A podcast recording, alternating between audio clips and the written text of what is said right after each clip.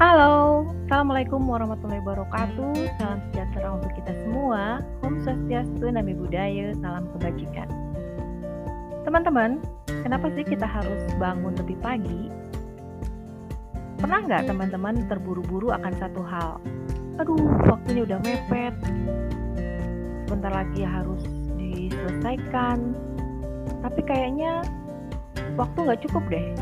Nah, mungkin permasalahannya bukan waktunya karena waktu sampai kapan pun tetap 24 jam. Karena itu, bangun lebih pagi merupakan salah satu solusi agar kita bisa menyelesaikan segala sesuatunya dengan maksimal. Dan hari-hari pun menjadi menyenangkan. Oke, selamat bangun pagi semuanya. Salam sehat dan bahagia dari Yogyakarta. Jangan kesiangan ya.